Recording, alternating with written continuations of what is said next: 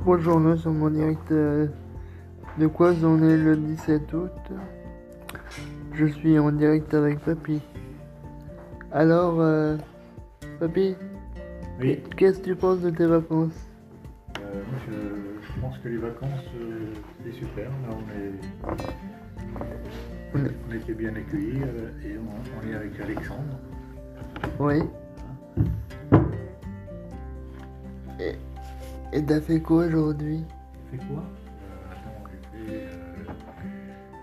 euh, euh, j'ai commencé par faire un petit tour ce matin dans, la- dans- dans le domaine. Oui, J'ai vu qu'il y avait encore une taupe qui, qui avait fouillé. oui, Et puis, puis après, j'ai bah, après, j'ai déjeuné. j'ai- j'ai fait, euh, oui. Hein, J'ai fait de la peinture tout à l'heure, oui. Oui, de la peinture. T'as peint les murs Voilà. et tu aimes voyager Oui, oui, ça me déplaît pas. Ça me déplaît pas, mais bon, euh, on, arrive- on finit par se fatiguer à voyager, tu sais. avec- Ouais, oui. Ouais, Bon bah, Papy, merci pour cette interview. ouais. Euh, Y a pas de quoi, Alexandre.